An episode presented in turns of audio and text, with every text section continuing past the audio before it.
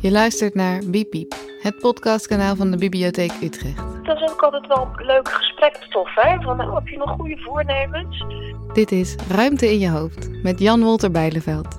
De laatste in de reeks over voornemens. Ik, uh, ik vind voornemens altijd wel een.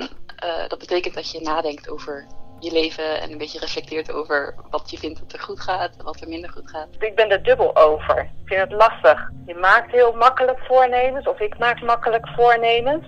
En ik, ik hou me er heel vaak niet aan. Dat stoort me dan, hè? dus daar loop ik dan ook soms een beetje op leeg. Alleen ben ik er niet zo van om ze echt op één moment in het jaar maar te doen. Dus ik doe het eigenlijk een beetje het hele jaar door. En dat voelt 1 januari wel als een frisse start. Dus dan doe ik er ook zeker aan mee. Maar dat is niet het enige moment. Ik, ik maak het hele jaar door voornemens. Ik ben ook iemand die niet graag meedoet met hypes. Ja. We gaan met z'n allen afvallen, we gaan met z'n allen stoppen met roken. Ja, dan gaan we halen recht overeind staan. Je moet het zelf doen. En als je zelf initiatief neemt, nou, dan gaat het volgens mij beter dan dat je met zo'n stroming meegaat. Ja, om vol te houden moet je toch echt ook wel een paar stappen meer nemen dan alleen een voornemen maken. Ruimte in je hoofd. Het is mooi als je er wat van kunt maken.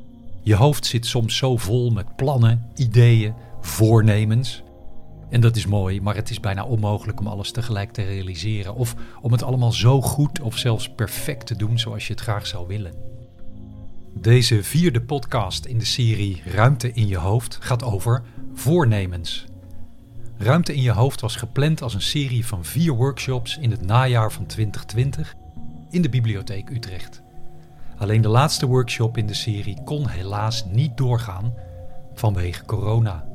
Gelukkig is er nog wel deze podcast over het fenomeen voornemens. Hoe houd je ze fris en hoe voorkom je dat het een bron van onrust wordt? En daarover sprak ik ook nog een paar deelnemers aan de workshop via de telefoon. Ik vind het wel een mooi moment van bezinning. Maar ik heb me een paar jaar geleden eigenlijk voorgenomen om juist te kijken naar wat ik volgend jaar weer zou gaan doen. Dus de dingen die, die me heel goed bevallen zijn. En uh, niet zo op, uh, moet het allemaal anders. Wel met de intentie om mezelf uit te dagen, maar niet met een hele actielijst. Ik denk toch een beetje uit een behoefte om te ontmoeten of zo. Je hebt je ook vast wel eens iets voorgenomen. Zo van, in het nieuwe jaar ga ik nu eens echt puntje, puntje, puntje. En dat hoeft natuurlijk niet alleen bij de start van het nieuwe jaar te zijn. Ook na een vakantie komen we nog wel eens terug met een voornemen. En dan heb je even afstand genomen en dan denk je, vanaf nu neem ik me voor om toch echt, nou, puntje, puntje, puntje, vul maar in. Herkenbaar? Het zou trouwens ook zomaar kunnen dat je een haat-liefdeverhouding hebt met voornemens. En dat je aan deze podcast bent begonnen, maar eigenlijk denkt: ik heb helemaal geen zin in dat hele gedoe met voornemens. ik doe niet meer mee. Um, ja, nou, dat, dat, ik denk dat je daar ook wel een goed punt hebt. En dat je je hebt voorgenomen om je nooit meer iets voor te nemen. Omdat het toch niet echt lukt en al je goede bedoelingen en mooie plannen al snel stranden, wat alleen maar een rotgevoel oplevert. En dat is eigenlijk best jammer, want jezelf iets voornemen is op zich mooi. Alleen een belangrijke vraag is: hoe blijft het haalbaar en daardoor ook leuk voor jezelf? Het is begrijpelijk als een paar slechte ervaringen ervoor zorgen dat je nu denkt: nou, bekijk het allemaal maar lekker met je voornemens. Maar laten we toch eens kijken wat er mogelijk toch van voornemens te maken is. Vaak is een voornemen erop gericht om iets te gaan doen. En waarmee ik graag zou willen beginnen is de suggestie om bij voornemens niet alleen te kijken naar wat ga ik doen, je kunt ook denken aan wat ga ik laten. Nou, ik voelde me wel erg geïnspireerd door uh, de kaart zullen we iets doen of zullen we iets laten? En toen dacht ik, ja, ik moet zeker meer gaan laten. Nou ja, ik kan best wel in de, in de achtste versnelling zitten. Um, ja, meer laten, meer loslaten. Dat is wel een, uh, een, een mooi voornemen voor mij als ik, als ik er toch één moet, uh, moet noemen. Proberen meer te laten.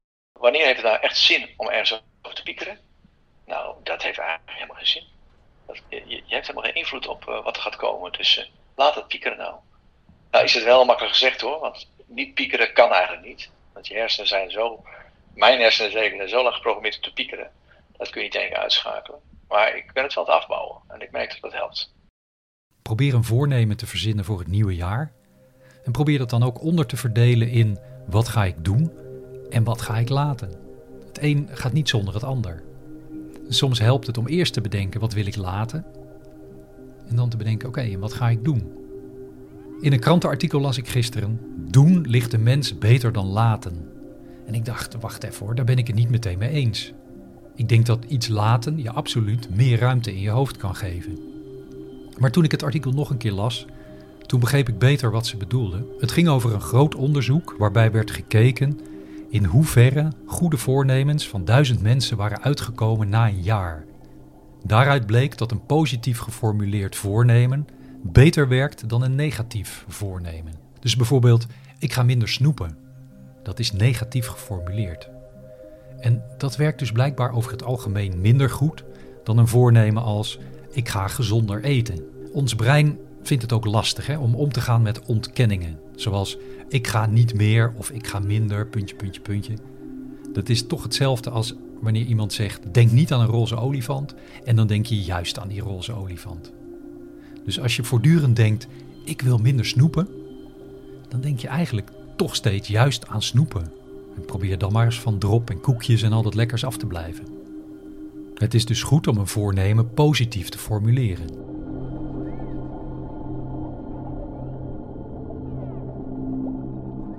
Heb wel de neiging om mijn dag helemaal vol te stoppen. Ik ben bijvoorbeeld ook vaak te laat, want ik was nog heel druk met iets anders, want ik had nog vijf minuten de tijd en dan kon ik wel even dit of dit nog in doen. Uh, in het kader van uh, efficiëntie of zo. Zo. Zo voelt het dan op dat moment, maar ja, inmiddels weet ik wel dat, dat dat niet werkt, maar het is toch moeilijk om dat stuk los te laten. En hoe fijn zou het zijn als ik kan denken, ah, ik heb nog vijf minuten en dan kan ik gewoon even niks doen. Ik wil lekker veel de natuur in. Dus het ene moment ben ik van de bomen aan het genieten en het andere moment komt er een gesprek boven waar ik nog iets over wilde verwerken. Dan mijmer ik daar even over en het volgende moment is het klaar en kijk ik weer naar de vogels. En daar krijg ik gewoon een heel rustig hoofd van. Het voordeel van denken aan ik ga iets laten, is dat je in elk geval in een minder modus gaat denken en niet weer meer, meer, meer en de lat hoog en nog meer op mijn bord. Je voornemen om iets te gaan laten kan helpen om een minder druk leven, een minder vol hoofd te hebben. Dus in die zin is het altijd goed om te bedenken wat je zou willen laten, waar je minder van wil. Maar bedenk tegelijk ook, en, en wat wil ik dan wel? Iets laten helpt je op een bepaalde manier te denken, maar het staat niet op zichzelf. Het is uiteindelijk ook weer iets doen. Hopelijk kun je me nog volgen. Een, een voorbeeld is misschien wel handig. Je zou je kunnen voornemen: um, ik ga beter nadenken voordat ik te snel, te enthousiast weer ergens ja tegen zeg, waar ik dan later spijt van heb. Dus wat ga ik laten? Ik ga niet meer direct overal ja tegen zeggen. Ik laat me niet meer voor van alles overhalen. Dat is dus negatief geformuleerd. Maar je zou het ook positief kunnen formuleren. Wat ga ik doen? Ik ga zuiniger zijn op mijn tijd. Ik wil meer tijd over hebben voor de mensen en de dingen die ik waardevol en belangrijk vind. En ik wil mijn tijd en energie beter bewaken. Positief formuleren. Dat vind ik een belangrijke tip om je iets voor te nemen dat ook haalbaar is.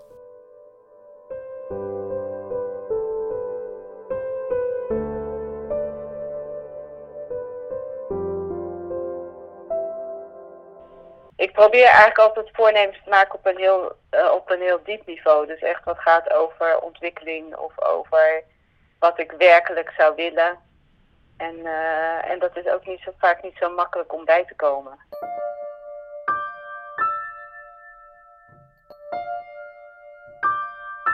Iets anders, wat volgens mij ook waardevol is als het gaat om voornemens, is om weg te blijven van grote abstracte voornemens. Formuleer je voornemen juist als iets wat een gewoonte kan worden, een concrete handeling die je steeds weer uitvoert.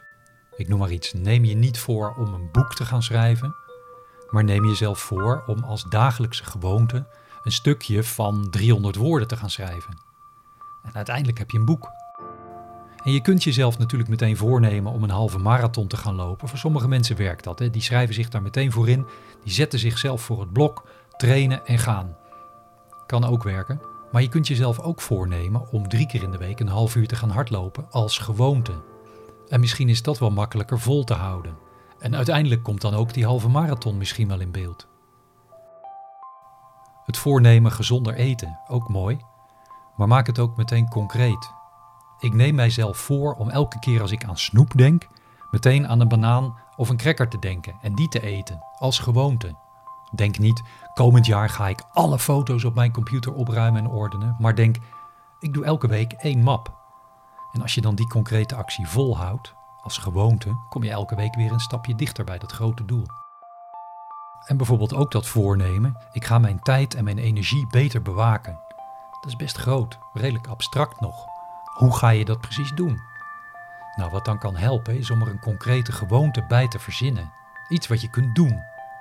Dus als je meer tijd voor jezelf wilt, neem jezelf dan bijvoorbeeld voor om niet overal meteen ja tegen te zeggen. Maar maak er een gewoonte van om altijd eerst te zeggen: Ik denk er nog even over. Ik laat het je snel weten, bijvoorbeeld. Hè? En zelfs al denk je wel meteen ja, nooit meteen ja zeggen. Geef jezelf even de tijd. Denk er nog een keer over. Wil ik dit echt? Ga ik daar tijd voor maken? Als gewoonte. Nou, dat is ook maar een voorbeeld van verzin bij je voornemen een gewoonte die vol te houden is. Ik weet dat ik dit jaar een keer besloot van ik ga echt niet meer s'avonds werken. Ja, dat, je, dat ik daar ook zo'n energie even uithaal. Dat dat inderdaad ook twee weken lukte. Weet je, dat je echt voelt van, nou ja, dit is echt een punt. En nou ja, goed, dat is, heb ik dus niet volgehouden. Maar het kan ook wel een bepaalde energie geven. Omdat je daarmee ook gelijk hardop zegt wat je wilt. Of weet wat je wilt.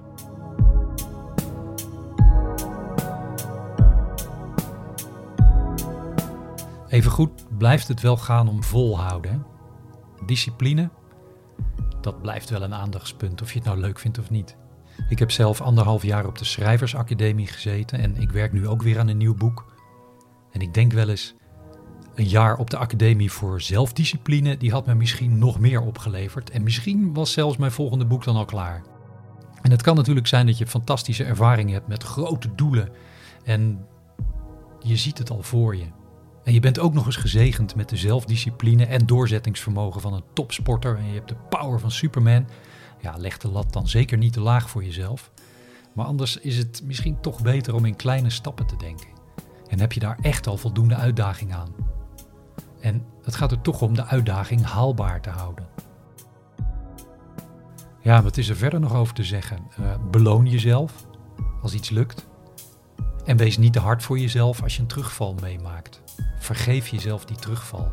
Herpak jezelf. Probeer weer op het goede spoor te komen. Misschien met een kleine aanpassing van je voornemen, zodat het weer beter haalbaar wordt. En soms kan het ook helpen om wat support voor jezelf te organiseren. Maak je voornemen bekend aan iemand vlakbij of juist verder weg. In elk geval iemand die je vertrouwt, die jouw voornemen serieus neemt en bij wie je af en toe terecht kunt en die naar je luistert en die je op de een of andere manier helpt, maar je toch ook af en toe eens aankijkt van uh, zeg, hoe is het met uh, je voornemen? Het is ook confronterend, zeg maar, om voornemen, om je iets voor te nemen en dan uh, zie ik sommige mensen daar heel erg veel mee doen. En ik zelf merk dan dat het heel vaak niet meteen lukt. Zo neem ik mezelf bijvoorbeeld al jaren voor om niet meer over te werken. En dat doe ik dus toch, ja, dat blijf ik dan toch doen. Dat is dan zo vervelend als ik dan tegen mezelf zeg, dat wil ik niet meer en dat doe ik niet meer. En dan elke keer mezelf daarin tegenkomen dat ik het toch weer doe.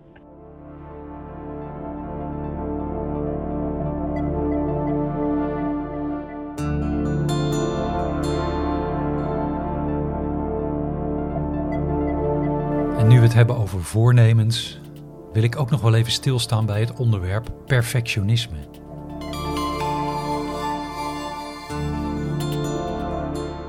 Perfectionisme kan je echt blokkeren. En dat is zonde. Ja, ik vind dat zelfs tragisch. Het schijnt wel bij darters voor te komen. Dat ze zo hard proberen een perfecte worp op het dartboard te gooien, dat ze het dartpijltje niet meer los kunnen laten. Hun hand verkrampt en ze kunnen niet meer gooien. Dat heet darteritis. En ik heb me laten vertellen dat het ook voorkomt bij biljarten. Nog zo'n bezigheid die veel vraagt van je concentratie. En geloof het of niet, maar daar schijnt het keuitis te heten. Ja, ik heb het niet bedacht hoor. Maar ook bij topschaatsers, honkballers en boogschieters komt zo'n verkramping wel voor. En voorkom dat je ook voornemitis krijgt. Te veel willen, vooral het meteen perfect willen doen, dat is een mechanisme dat je in de weg kan zitten.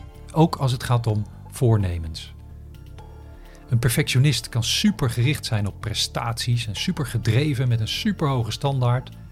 En vaak zit er ook een enorm zelfkritische kant aan dat perfectionisme. Het kan op zich een goede eigenschap zijn om iets altijd beter te willen doen.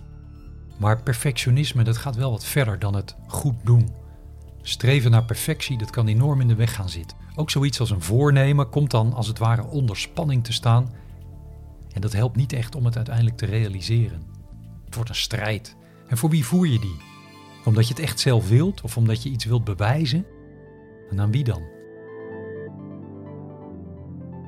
Zeg nou gewoon eens een keer van, ik weet het niet. Of ik ga dit uitzoeken en ik kom over twee dagen terug met een antwoord. Nou, dat werkt echt heel verhelderend. Je kunt niet alles weten. En een goede expert weet gewoon wat hij niet weet. Uh, van geef nou eens toe dat je fouten maakt. Ik doe het nou steeds vaker in mijn werk en ik merk dat dat gewoon heel erg verhelderend werkt. Ik merk dat ik er ook een stuk makkelijker in word. En ik merk ook zelfs dat de laatste maanden uh, de samenwerking beter gaat. Perfectionisme komt vaak, als je er dieper induikt, voort uit onzekerheid. En juist daarom wil je geen fouten maken. Het moet in één keer goed gaan. Je streeft naar iets wat in feite onmogelijk goed kan gaan. Je stelt jezelf teleur. Dat maakt je ontevreden en uiteindelijk ook onzeker omdat het weer niet gelukt is. Dus met iets wat je doet uit onzekerheid, voed je die onzekerheid. Die wordt alleen maar groter. Het effect is dus averechts. Je streeft naar iets onhaalbaars, gaat zeker falen, wat leidt tot zelfkritiek en nog meer onzekerheid. Waardoor je nog harder gaat streven naar perfectie. En perfect wordt het nooit. En zo zit je dan gevangen in een vicieuze cirkel die veel energie kost. Perfectionisme, dat vind ik iets om mee af te rekenen, maar dat kan echt lastig zijn om van je af te schudden. Dat kost tijd en dat gaat ook stap voor stap. Dat zou je ook niet in één keer perfect moeten willen doen. Maar het kan wel een mooi voornemen zijn. Een veel betere optie, waarover ik las, vind ik de optimalist. Een optimalist is iemand die het goed wil doen, maar ook realistisch blijft en op een gegeven moment kan zeggen: voor dit moment, met de middelen die ik nu heb, is mijn inzet genoeg. Dit resultaat is goed en goed genoeg. Dit is het optimale voor nu en ik kan ermee leven. En dat kan voor een perfectionist op het moment zelf best oncomfortabel voelen. Maar als je daarmee wilt experimenteren, dan kan ik je dat van harte aanraden. De optimalist. Confronterend. En in die zin ligt er soms al een angst voor, voor mislukking bij mij in. Dus ik ben daar erg voorzichtig mee geworden om me dingen voor te nemen. En waar je ook aandacht aan zou mogen geven, is een mildere houding naar jezelf. Wat meer geduld, besef dat het moeite kost om iets te bereiken, misschien wel meer dan je in eerste instantie had verwacht. En bij die mildere houding hoort ook jezelf een beetje ruimte geven. En toestaan om dingen fout te doen, of beter gezegd, niet meteen in één keer helemaal goed. Dat geeft je ook meteen meer de ruimte om te leren, om ergens geleidelijk aan beter in te worden. Op jouw manier, in jouw tempo. Dus daar hoort ook bij puur kijken even naar je eigen vorderingen, zonder die meteen te willen vergelijken met anderen. Voor mij zijn voornemens iets waar ik mezelf richting mee geef. Niet iets waar ik mezelf op wil afrekenen. Niet iets dat ik per se af moet hebben. Het zijn geen taken, maar meer een, een, een focus. Ik ben ook soms wel jaloers op mensen die dan zich iets voornemen en dat zich daar ook dan werkelijk aan houden. En al helemaal stoppen met je eigen situatie steeds te vergelijken met de Instagram-versie van anderen, die alles helemaal voor elkaar hebben. Zo lijkt het althans in hun Instagram-plaatje. Want hoe het echt is, dat weet je helemaal niet. En dat kun je ook niet weten, want dat zie je niet. Dus aan perfectionisten zou ik vooral ook willen zeggen: kijk vooral naar je vorderingen. Wat heb je al bereikt? Elke kleine stap telt en daar mag je tevreden mee zijn. Niet te veel tegelijk doen. Volgens mij heb je dat ook eens aangehaald. Ik ben dan lid van de bibliotheek als ik weer een mooi boek langs zie komen, reserveer ik het gelijk. Wat ik nog eens doe, is zes boeken tegelijk lezen. Dat heeft geen enkele zin. Dus er blijft niks hangen. Even kijken, dus wat hebben we tot nu toe? Ehm, denk in doen en laten bij je voornemen. Formuleer je voornemens positief. Probeer er een concrete gewoonte van te maken. Houd het haalbaar. Neem kleine stappen. Wees trots op elke vooruitgang en probeer het vooral niet perfect te doen. Nou goed, laat ik ophouden over perfectionisme. Dat kan ik beter geen aandacht meer geven. Ik kan het beter laten om het daar nog langer over te hebben. Ehm, hoe zal ik het dan zeggen? Probeer het vooral optimaal te doen. Dat is genoeg. Dat is mooi zo. Ik wil een beetje aan mijn verwachtingen sleutelen richting hoe ik mijn vrije tijd besteed. Dus ik kan me dan zorgen maken over: oké, moet ik gaan sporten? Moet ik nu wat leuks gaan doen? Of moet ik nog wat regelen? Wat is de perfecte keuze? En die vraag wil ik eigenlijk achterlaten in 2020. Ik hoef niet de perfecte keuze te maken. Ik moet gewoon iets gaan doen en er gewoon lekker van genieten.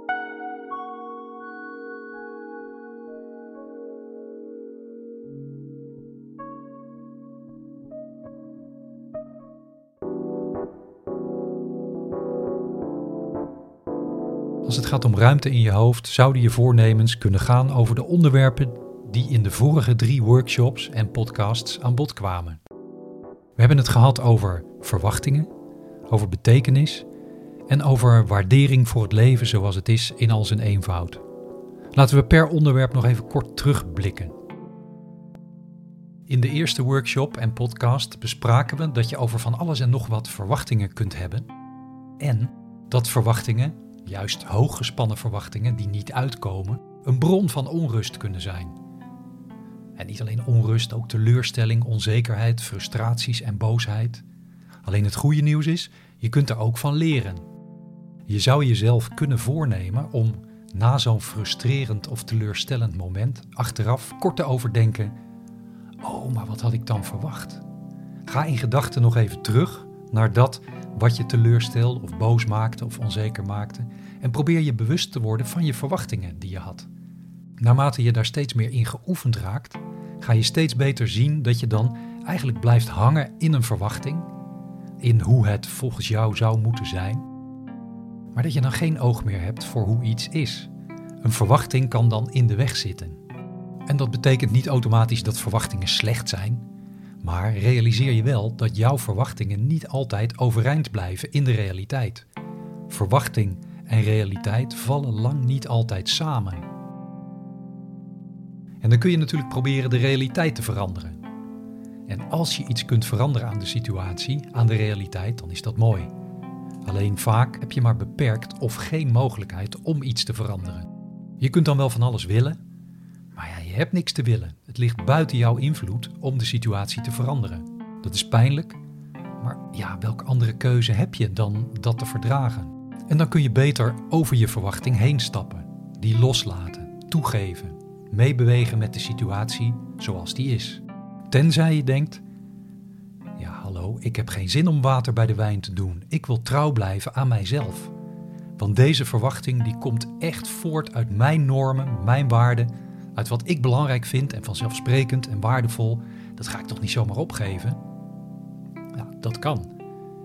Dan kun je je ook afvragen wat je met die situatie of die realiteit wilt doen. Wil je daar nog wel zijn? Wil je nog wel in die bijvoorbeeld werkomgeving of die vriendschap of die relatie zijn als het zo tegen jouw verwachting ingaat? Is die verwachting realistisch? Ja, dan kun je dus ook voor jezelf kiezen. Al kan dat soms een hele lastige keuze zijn. Hoe dan ook, het begint met je bewust te worden van je verwachtingen. Wat had je dan verwacht? Waar komt die verwachting vandaan? En is die verwachting realistisch? Drie belangrijke vragen. En als je je daar bewust van wordt, dan ga je ook zien: oh ja, wat doen die verwachtingen met mij? En er komt zelfs ruimte om te kiezen. Wat ga ik doen met die verwachting? Ik heb bedacht dat ik minder verwachtingen wil hebben. Dat ik meer dingen op me af wil laten komen zoals het komt. En niet uh, allerlei ideeën al te hebben over hoe het zou moeten zijn. En ik, ik, weet zeker dat dat alsnog wel een keertje gaat gebeuren. Maar dan ga ik proberen om te denken: oh, grappig, ik had blijkbaar dus toch verwachtingen. En het dan meer los te laten in plaats van er heel erg in te blijven hangen dat het niet is zoals ik had bedacht dat het zou zijn. Um, een positief perspectief. Um, ik denk dat het rustiger wordt in je hoofd.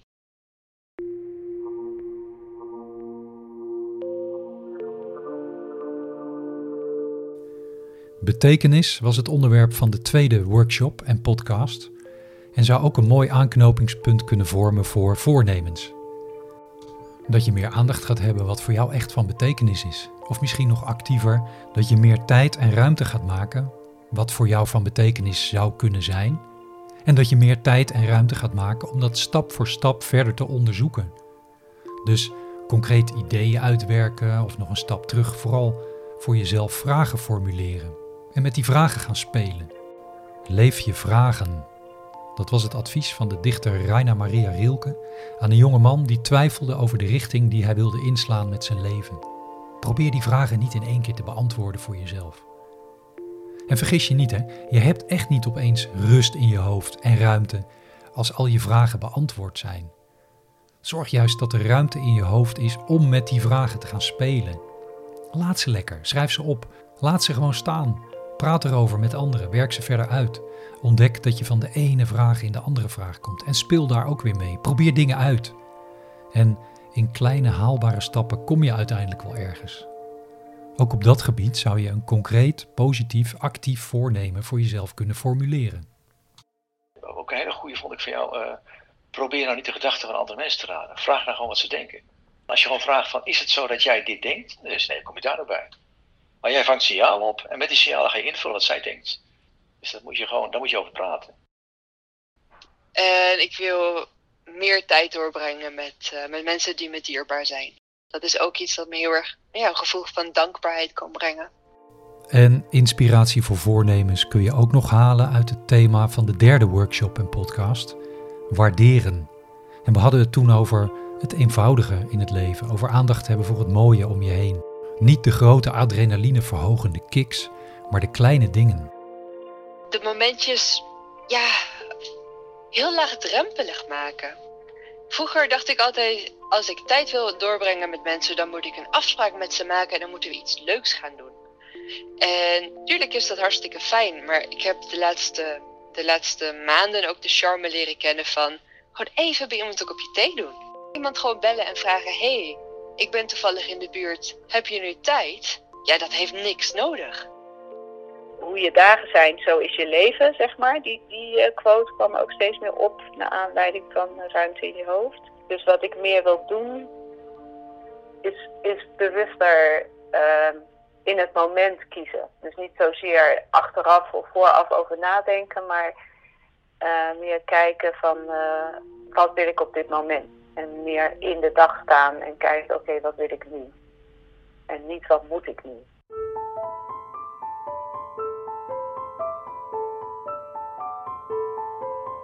Tot slot nog de kip-ei-gedachte die mij blijft intrigeren. Waar begint het nou? Moet je eerst ruimte in je hoofd maken om dan dingen beter te kunnen doen? Of zou het ook andersom kunnen zijn? Dat als je bepaalde dingen doet en laat, dat dan ruimte in je hoofd ontstaat. Moet je eerst ruimte in je hoofd maken en gaat er dan opeens van alles beter? Kun je dan beter met verwachtingen omgaan? Kom je dan meer toe aan wat betekenis voor je heeft? Kun je dan het leven in al zijn eenvoud meer waarderen? Begint het allemaal met ruimte in je hoofd maken? Ik weet het niet. Ja, je kunt wel denken, ik ga eerst dit en dat doen om ruimte in mijn hoofd te maken, maar wanneer heb je het dan? Misschien kun je dan wel heel lang wachten. Hoe maakbaar is dat dan? Of zit er een grens aan? Verwachten we soms te veel van maakbaarheid van alles? Het zou mooi zijn als je kunt beginnen met een minimaal klein beetje ruimte in je hoofd maken maar dat je daarna toch niet te veel en niet te hard probeert om ruimte in je hoofd te maken als een doel op zich. Een deelnemer aan de workshop die vergeleek het met sporten. Je kunt wel op de bank gaan zitten en denken: ja, ik ga sporten als ik me fit voel. Maar het werkt juist omgedraaid ook. Begin met sporten en dan ontstaat die fitheid. Tuurlijk, het kan helpen als je een klein beetje fit bent, dan wordt het al leuker om te gaan sporten. En zo kan het ook helpen om te beginnen met een beetje ruimte in je hoofd te maken. Maar het zou best kunnen dat daarna die ruimte vanzelf gaat groeien, omdat je je steeds bewuster wordt van verwachtingen, ontdekt wat ze met jou doen en wat jij met die verwachtingen kan doen, omdat je steeds bewuster dingen doet en laat, omdat je steeds beter je weg weet te vinden in wat en wie voor jou van waarde en van betekenis zijn en waar je je tijd aan wilt geven. En omdat je steeds betere keuzes daarin weet te maken. En omdat je steeds beter weet te waarderen wat het leven in al zijn eenvoud al te bieden heeft. Dan groeit die ruimte in je hoofd vanzelf. En wat ik vaak wel doe op de laatste dag van het jaar is even tijd nemen voor mezelf. Echt even een uurtje ga ik dan zitten en ga ik eens eh, terugkijken. Ik schrijf altijd wat dingen op. Oh ja, hoe kijk ik nou eigenlijk terug? Hoe kijk ik vooruit? Dan gaat het veel meer over wat vind ik echt belangrijk. En uh, ja, hoe wordt het meer mijn leven? Probeer ook voornemens te realiseren op een manier die voor jou werkt. Blijf positief in je voornemens, houd het haalbaar, elke stap is er één, verdraag als het tegenzit en zet wel door. Volg daarin je eigen lijn en probeer verder uit te werken wat voor jou werkt. En het zou best eens kunnen dat op den duur het zoeken naar ruimte in je hoofd zelfs minder belangrijk wordt. Want het is er gewoon. Of nou ja, niet gewoon, maar het is er. Punt. Laten we daarvan uitgaan. Die ruimte in je hoofd is er. Dat zou zomaar kunnen, toch?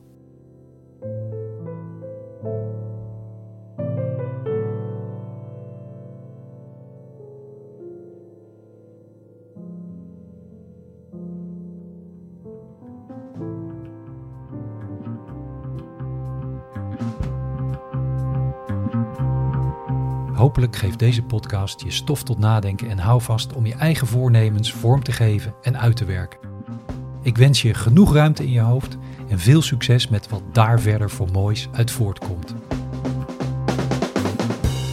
De workshop Ruimte in je hoofd is een productie van mij, Jan Wolter Bijleveld. Meer informatie over mijn werk vind je op hoofdruimte.nl. Dank voor het luisteren naar Ruimte in je hoofd. Ga naar de website van de Bibliotheek Utrecht voor meer mooie, nieuwe, verhelderende, opruimende programma's. Kom langs, kijk, luister en lees mee met Biep Biep